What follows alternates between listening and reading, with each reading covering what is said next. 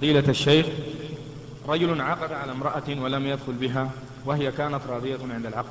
وبعد ذلك وقبل دخوله طلبت من وليها أن يأمره أن يطلقها.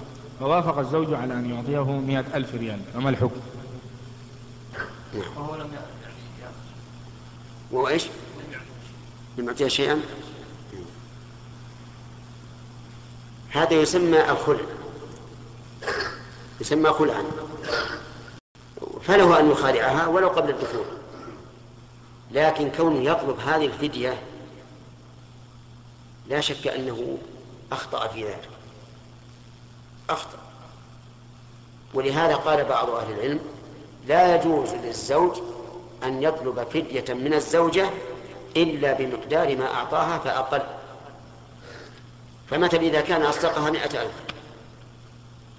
وطلب مئة ألف يجوز أو لا؟ يجوز لأنه ما, ما لم يأتيها ضرر لكن لو أصدقها ألفا وطلب ألفين فمن العلماء من يقول إنه لا يحل له ذلك. ولا ولا يعطى ألفين.